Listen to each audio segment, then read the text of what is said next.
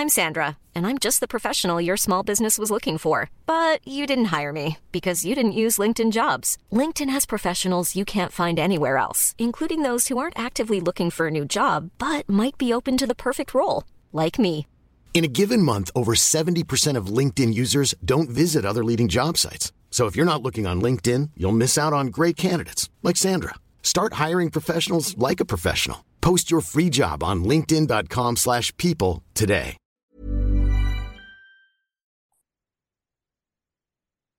Halo pendengar GGMI Podcast, baik lagi bersama kita bertiga dan datang di episode yang tidak kita harapkan objeknya ya.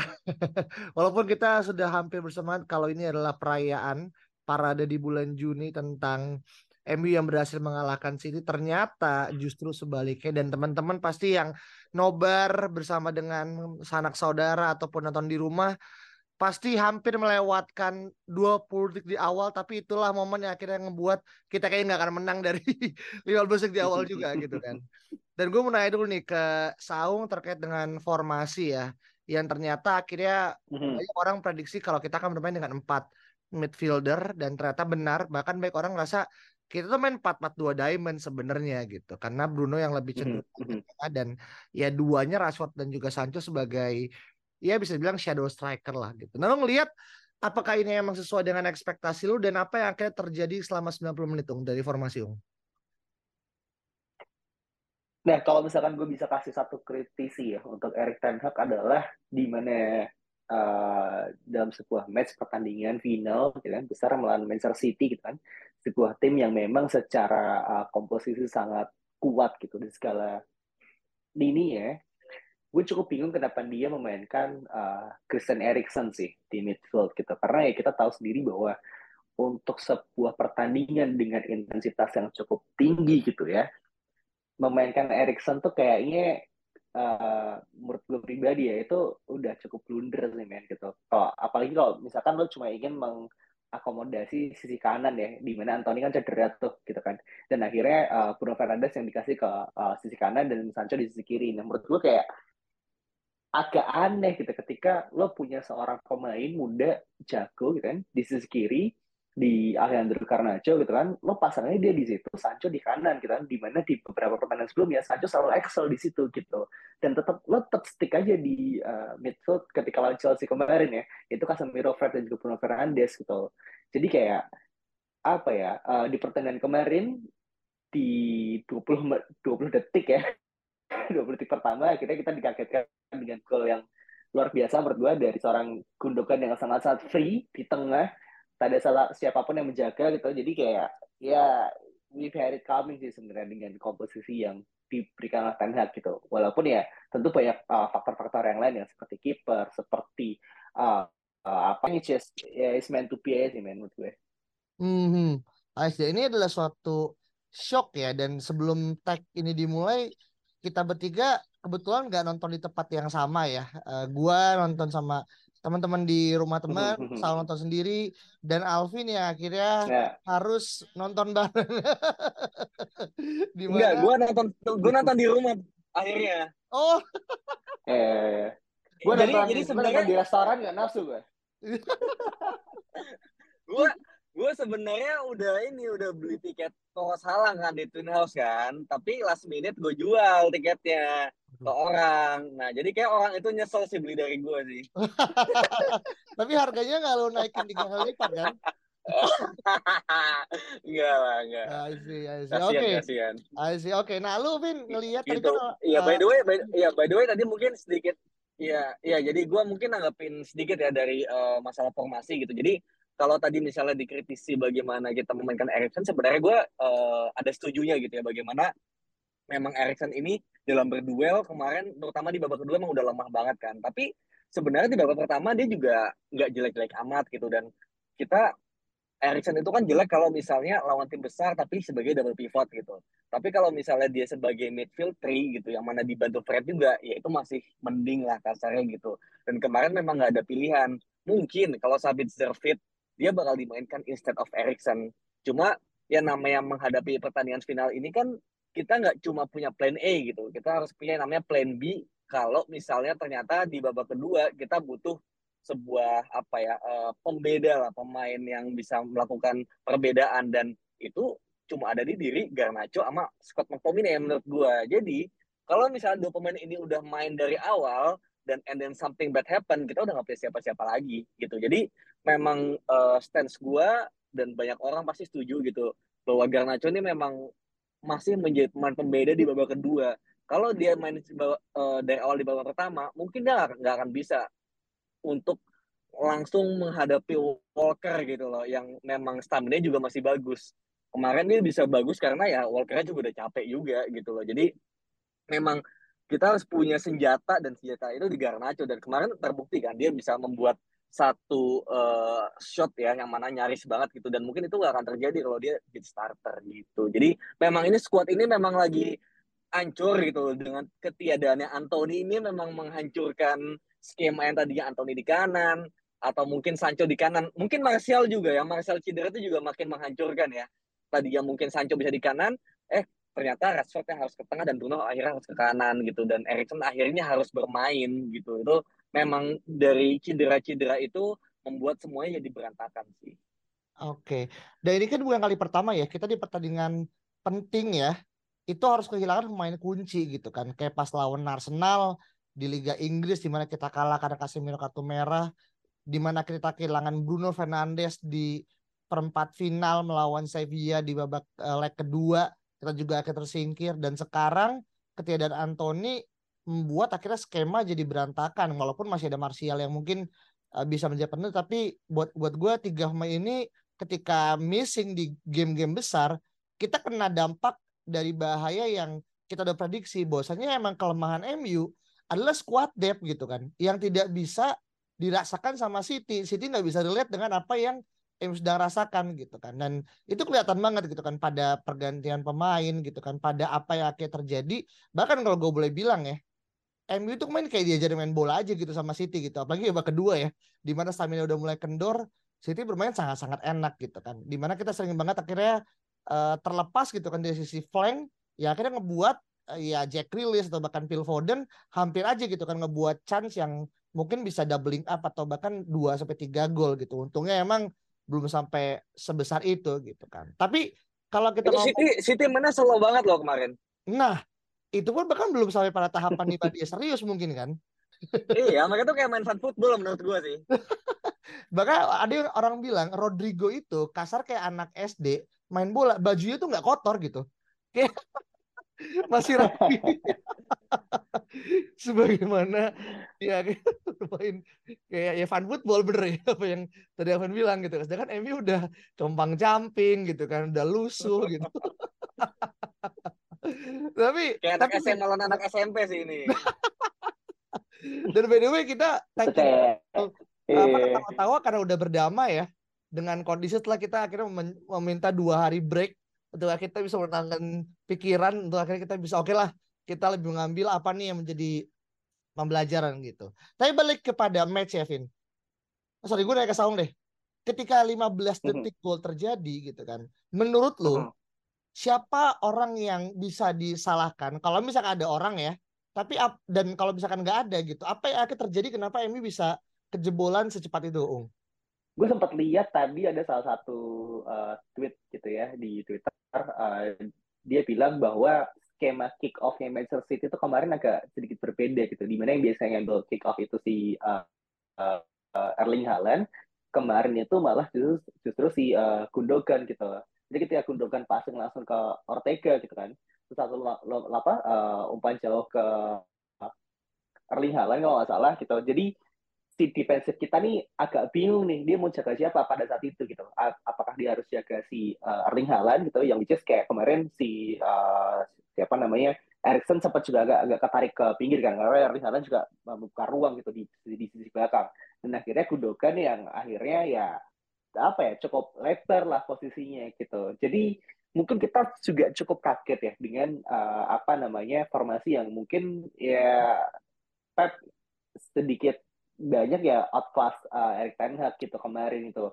Itu yang pertama. Yang kedua tentu ya David De Gea sih main gitu. Jadi kayak lo sebagai kiper gitu kan, di final lo nggak bisa baru siap menit 5 menit 10 itu nggak bisa coy gitu loh ya ketika peluit dipujikan lo harus siap gitu jadi gue sempat apa ya agak PT juga sih ketika Gundogan ada crash itu dan dia cuma kayak diem doang itu kayak what the fuck bro gitu jadi at least lo apa kayak gitu kan usaha save kayak apa apa gitu. Karena ya dia udah usaha dia udah usaha nengok kan?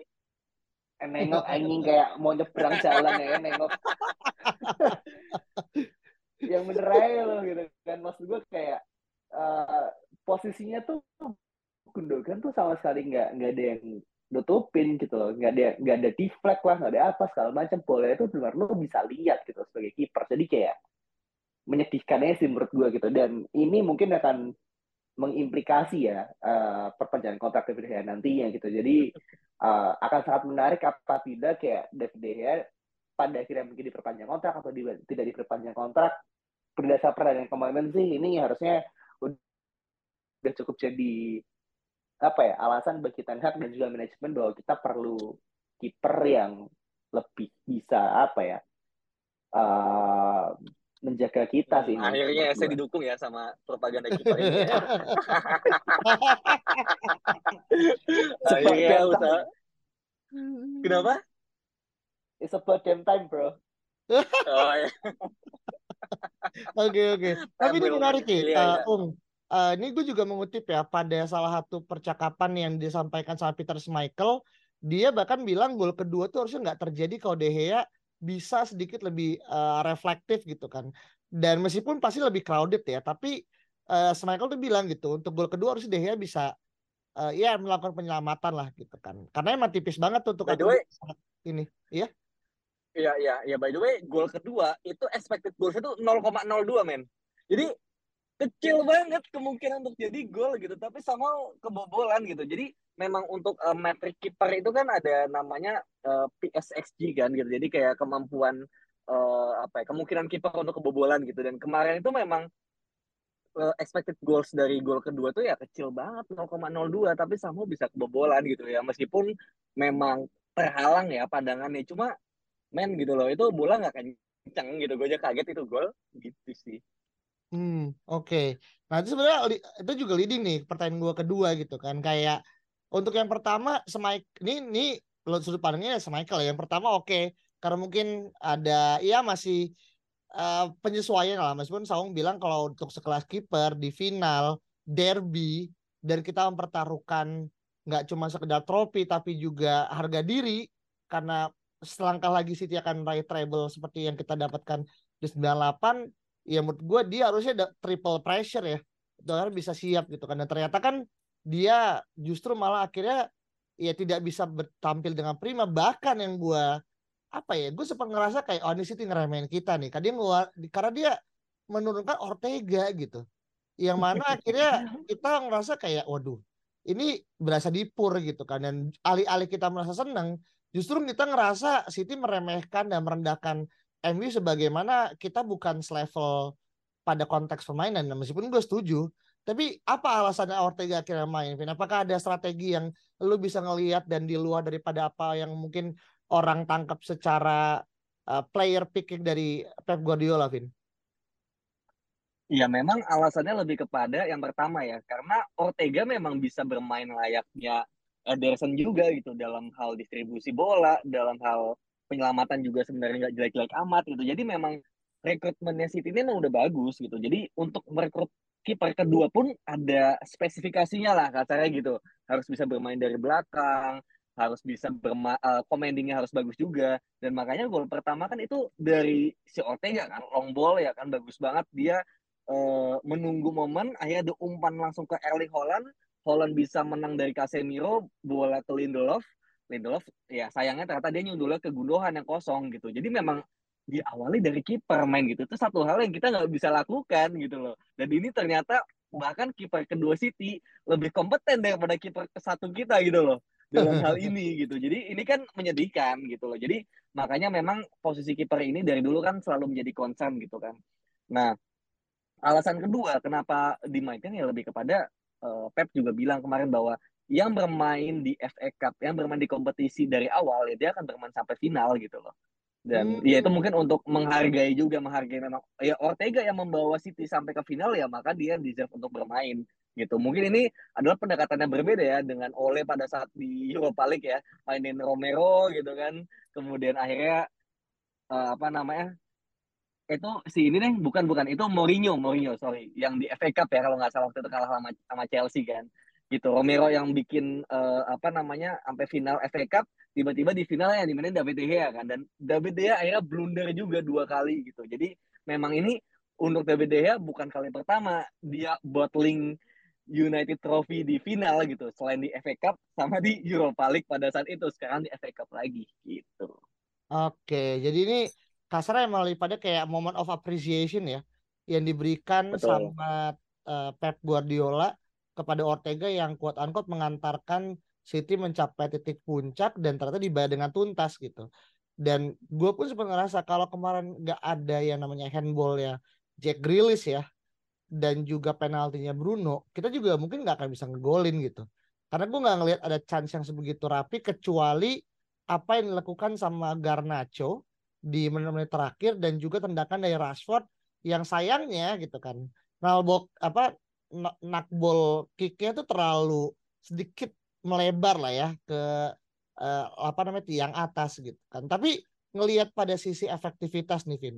Sorry Ung, kan dia tahu ya kalau siapa pun hmm. yang melawan City pasti akan terlihat lebih inferior dari semua tim lah nggak cuman MU gitu kan kita udah ngelihat bagaimana hmm. Madrid bagaimana akhirnya Munchen gitu even kalau PSG pun ketemu sama City pun kayaknya pasti akan kayak juga karena they are one of the best teams ya di di dunia gitu. Bahkan yang terbaik gitu saat ini gitu kan. Nah ngelihat pada konteks itu dan kita bermain reaktif atau lebih kepada akhirnya menunggu counter attack ya itu seharusnya gitu. Dan lihat kemarin udah cukup efektif belum sih secara bagaimana kita build up counter attack yang ujungnya golnya lebih ke penalti itu sebenarnya kalau misalkan dibilang uh, apa nih reaktif gue juga kurang setuju ya. Karena ya Ten Hag juga bilang bahwa mungkin kita satu-satunya tim yang bisa memberikan perlawanan ya untuk Manchester City gitu di musim ini. Uh, gue setuju bahwa City musim ini memang uh, tim terbaik gitu ya di dunia dan considering kita bisa mengalahkan mereka gitu kan kemarin di Old Trafford dengan skor 2-1 kalau nggak salah ya.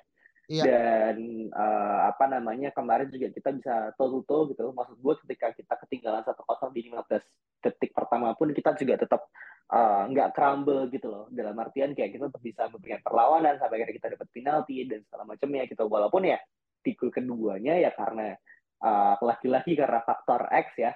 Jadi ya uh, memang memang lo nggak bisa men. Kasih City itu gol-gol gampang tuh lo nggak bisa gitu. Jadi kayak lo memang benar-benar harus intensitas lo memang harus benar-benar tinggi lo harus fokus dan apa ya City ini kan bukan tim yang nggak bisa dikalahkan gitu. bahkan Brentford aja bisa menang dua kali kan lawan City gitu. Jadi kayak come on man gitu. Uh, memang secara, secara squad kita nggak bisa compete gitu lah lawan Manchester City gitu dengan segala keterbatasan yang gitu. Tapi Brentford bisa gitu kan. Jadi kayak apa ya menurut gue sih alasan squad ya lo nggak tahu deh kalau misalkan ada satu ada satu tim di bawah lo yang bisa ngalahin dia gitu kan. Dua kali bahkan dan uh, apa namanya bisa memberikan perlawanan gitu. Jadi gue berharap memang uh, di summer transfer besok kita benar-benar punya pemain yang punya apa ya uh, mentality yang jauh lebih kuat, yang jauh lebih punya semangat gitu ya untuk memenangkan pertandingan gitu. Casemiro, Varane mungkin udah udah sangat-sangat apa pengalaman gitu. Tapi pemain-pemain yang lain menurut gue masih masih belum cukup gitu. David Dea bahkan ya yang tadi kayak Alvin bilang itu ketika Romero bisa mengantarkan timnya ke final tapi akhirnya dia main dia dia tetap crumble juga karena dia nggak biasa main gitu. Jadi kayak me memang, memang mesti diganti sih orang-orang ini sih gitu. Dan gue hmm. berharap ini adalah apa ya uh, pelajaran terakhir ya bagi uh, Ten Hag dan juga manajemen bahwa kita memang butuh pemain yang tepat gitu. Nggak bisa kita uh, apa ya beli pemain yang asal-asalan lagi gitu. Dan gue seneng makanya di setelah selesai FA Cup banyak berita yang muncul kan. Entah itu Mason Mount, Kim Min Jae, Diego Costa segala macam ya. Karena emang kita perlu untuk pemain itu ya as soon as possible gitu. Biar kita bisa integrate uh, mereka ke sistem kita yang akan kita mainkan nantinya. Dan dengan apa ya dengan capaian yang kita punya sekarang menurut gue 10 bulan Ten Hag uh, di United gue sih udah lebih dari seneng ya karena ya to be honest uh, gue tidak berharap banyak gitu untuk sebuah squad yang masih dalam keadaan compang camping punya manajer yang uh, punya filosofi permainan yang berbeda tapi tetap bisa seperti sekarang menurut gue udah udah sangat bagus. Hmm, I see. Iya dan memang nanti kita akan bahas ya di episode tersendiri mengenai rating uh, seasonnya MU per pemain, per pelatih, per mungkin strategi gitu kan. Tapi enggak ya sekarang kita di episode kali ini lebih kepada bagaimana akhirnya mereview duka cita yang akhirnya kita alami ya. Dan kemarin kalau teman-teman lihat dan nonton itu hampir tiga perempat dari stadion itu kan fans MU semua gitu kan. Itu udah siap parade banget tuh di luar kalau emang kita juara gitu kan. Sayangnya justru malah akhirnya sebaliknya. Dan ya well ya football is football gitu kan. Dan akhirnya kita melihat eh, apa yang akan ditakutkan atau horror momennya ya mungkin akan segera terjadi. Walaupun ya tentu semua fans MU berharap pada tuahnya Lukaku di Inter Milan bisa ngebuat dia at least ya berbuat jasa lah gitu kepada MU dengan akhirnya bisa menyumbang gol dan akhirnya membuat Inter Milan menjadi juara gitu kan di Liga Champions. Tapi itu masih belum terbukti. Dan kemarin ada orang-orang penting ya datang ya David Beckham, terus juga Sir Ferguson, David Hill, dan juga Avram Glazer. Yang mana nama terakhir mungkin yang paling tidak kita sukai ya atau least likely gitu kan. Nah, lo ngelihat bagaimana Vin reaksi yang mungkin akan timbul di balik manajemen MU ketika legacy yang udah dipertahankan kurang lebih 24 tahun itu akan segera buyar karena suatu permasalahan sistemik gitu. Dan Sunalata itu pasti akan tahu itu. City akan dapat treble cepat atau lambat gitu. Dan ya sekarang mungkin waktu yang harus kita sebagai fans MU ya bom waktunya sekarang gitu, Vin. Ya memang ini harusnya ya harusnya memang menjadi tamparan kan bagi owner. Cuma kan ya menurut gue dia udah nggak peduli lagi gitu loh dengan apa yang terjadi sekarang. Bagaimana fokusnya lebih kepada penjualan dan penjualan pun memang ya apa ya berlarut-larut jadi kayak memang ini orang jahat aja gitu ini orang main jahat kayak lu kalau udah nggak peduli sama tim gitu kan lu emang udah nggak mau uh, menjadikan ini sebagai apa ya project lu gitu ya udah segera jual nggak usah berlarut-larut tapi yang katanya dari bulan Maret, April, bahkan sekarang udah Juni gitu kayak masih belum tahu siapa gitu. Bahkan tadi gue juga sempat baca katanya Sheikh Sheikh Yasim itu masih bisa hide apa hide lagi apa namanya uh, bid higher gitu loh kayak lah ini jadi sebenarnya masih biddingnya masih kebuka nggak sih gitu kan? Kata udah tutup katanya udah ada pemenangnya gitu tapi masih bisa bid higher gitu. Jadi kayak kayak si Glazer ini masih berusaha untuk mencapai angka yang dia mau gitu loh. Dengan mengorbankan ya plan MU untuk uh, beli pemain gitu loh. Jadi inilah ya makanya kayak ya gue harap memang kemarin itu terakhir kalinya lah ya kita melihat dia hadir gitu yang mana dia udah jarang hadir dan sekali hadir kemarin hasilnya juga nggak baik gitu. Jadi memang seharusnya segeralah keluar dan segera dijual ke Qatar gitu kan semoga kalau ke Redcliffe ke Redcliffe ya mungkin satu dua uh, window oke okay, tapi ke, ke belakang belakangnya kita bukanlah menjadi tim yang bisa compete dengan City gitu mungkin musim kita bisa juara gitu kan tapi ke depannya kita nggak tahu gitu jadi semoga ini kali terakhir sih oke okay.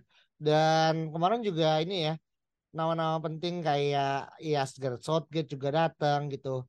Dan ya intinya orang-orang yang akhirnya pengen melihat derby of the century kali ya di final. Dan ini kan setelah 152 tahun ya kita akhirnya melihat derby Manchester di final Piala FA seperti yang kita sebutkan di preview gitu kan. Dan ternyata ya untuk uh, jilid pertama ya dan kita berharap ya untuk di musim depan ya MU bisa ketemu City lagi gitu untuk akhirnya membuktikan siapa yang terbaik untuk kedua kalinya gitu kan dan kita harus banyak-banyak belajar dan yang benar kata Saung bilang gitu at least lesser evil yang bisa kita dapatkan adalah MU semakin gencar nih kan dalam satu dua hari ke belakang dikaitkan dengan nama pemain gitu kan untuk segera berbenah dan menatap pramusim yang baru mungkin akan dimulai Juli ya kita akan uh, tur ke yeah. Amerika segala macam gitu kan dan dan dan apa? ini bro apa yang bikin nyesek adalah karena apa ya kita tuh mainnya nggak jelek-jelek amat ya terlepas dari dua gol yang memang bagus gitu tapi itu tuh avoidable gitu kan. Kalau kata Michael juga itu adalah dua gol yang sangat bisa dihindari.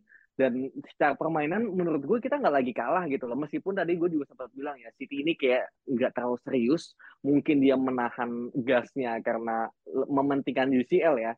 Tapi tetap aja gitu kayak harusnya ini tuh winnable gitu loh. At least draw lah gitu kan sampai tahan sampai extra time sampai penalti gitu. Tapi kita kecolongan dua gol yang nggak penting gitu. Itu, itu itu yang bikin nyesek aja sih bukan kalau yang kayak kita kalah 6-3 itu kan kayak ya udah emang emang udah total loss lah ya, calculated loss kasarnya gitu kan dari awal. Tapi ini tuh kayak anjir itu kita bisa main gitu. Terutama setelah Bruno golin gitu, itu kan kita juga kaget tiba-tiba gol. And then di babak kedua seharusnya kita bisa sustain aja gitu, bermain stabil, bermain nanti sambil counter attack gitu kan, karena udah game on. Tapi ternyata again kesalahan dari hal-hal yang tidak penting gitu. Dan akhirnya kita sulit lagi untuk mengejar uh, gol kedua gitu. Dan dari expected goals itu City cuma satu kurang men. 0,88 kalau nggak salah gitu. Dan kita tuh satu koma gede gitu 1,6 apa satu koma berapa gitu. Yang mana satunya memang dari penalti gitu. Tapi kalau misalnya satu itu di take out ya kita masih imbang gitu loh sama si City gitu loh. Masih hampir mencapai satu. Jadi kita secara peluang juga sebetulnya kita tuh bisa untuk menahan setidaknya gitu. Itu sih mungkin uh, beberapa strategi dari Pep yang mungkin dia juga lebih pragmatis ya kemarin. Nggak lagi ngoyo harus bermain satu dua tapi long ballnya ya. Lalu kalau lihat lawan Arsenal itu mirip kayak kemarin. Umpan ke Halan karena dia tahu gitu loh pressing dari tim-tim sekarang tuh udah makin gila. Bahkan NBA aja udah bisa pressing gitu. Nah daripada kerebut kan sama pemain-pemain depan kita Pep akhirnya ya Ortega atau misalnya Stones atau siapa pun itu yang di belakang itu long ball ke depan diambil sama Erling Haaland. Kemarin kita jarang kan ngeliat Erling Haaland bisa sekuat itu kan nahan bola hold up play kayak gitu kan. Biasanya mungkin dia cuma diumpan kemudian lari, tapi kemarin dia benar-benar udah hampir menjadi striker komplit karena dia bisa jadi apa ya kayak jadi jirunya gitu dan ya kemarin beberapa kali dia bisa kayak gitu dan bikin kita harus melakukan pelanggaran gitu. Jadi itu menurut gue strategi City yang baru dan ya kita harus benar-benar belajar lagi itu untuk menghadapi City yang baru ini sih. Oke, I see. Ini emang awalnya kan dibilang no see neighbor ya gitu. Jangan sampai kita yang sebut no see neighbor sama City gitu. Karena udah lagi menuju City yang semakin besar gitu kan. Justru kita yang dianggap tangga berisik gitu. Tapi well Gak apa pun apa, bro. masih ada masih ada 115 ini kan pelanggaran FFP itu kan. Jadi ya semoga aja segera diusut ya dan dibubarkan klubnya. Mau Ini adalah ya, mau ya. tuple ya. Bodo amat. Dan setelah setelah kasus itu berjalan kurang dari seminggu, setelah itu udah hilang kan kayak udah gitu aja gitu kayak ya kita tahu lah ya di Indonesia juga sering ya kasus-kasus naik viral terus hilang gitu karena entah ada isu yang baru atau mungkin nggak ada orang yang akhirnya ngebuat itu jadi booming lagi. Tapi well kita menunggu dan juga tentu ya tadi seperti yang gue bilang ini adalah pertandingan terakhir MU di musim ini karena udah nggak ada lagi pertandingan di mana akhirnya mungkin gue juga sempat lihat eh, pemain akan diberikan libur ya untuk sementara waktu gitu kan walaupun pasti ada evaluasi evaluasi karena kita Juli kalau nggak salah minggu kedua tuh udah udah akan mulai ya pramusim eh, di Amerika gitu di mana kita juga akan ketemu sama tim-tim besar kayak Arsenal juga gitu. Dan gue sih berharap selama bulan Juni ya ini MU udah dapat minimal dua pemain lah gitu. Dan kita per hari ini kan ada dua nama ya yang mungkin akhirnya sangat sangat kencang eh, apa namanya Rasmus Højlund Højlund dan juga Mason Mount gitu yang saya tunggu bagaimana dua ini akan berjalan selama seminggu depan gitu. Tapi selamat sekali lagi buat City ya yang akhirnya kita bertiga sudah cukup berdamai meskipun tetap nyesek karena taruhannya adalah sejarah gitu kan. Tapi it is what it is this is football. Dan siapa yang menang adalah dia yang akhirnya bermain dengan sangat rapi, efektif dan juga efisien. Dan itu ditunjukin sama City selama 90 menit kemarin gitu kan. Dan kalau teman-teman punya pendapat yang berbeda terkait dengan bagaimana akhirnya MU harus bermain dan segala macam walaupun hasil jadi bubur silakan langsung aja reply Twitter kita di @ggmipodcast dan jangan lupa kasih bintang 5 dan follow Spotify kita supaya nanti kita bisa update untuk episode-episode berikut ya. Kita ketemu lagi. Bye bye.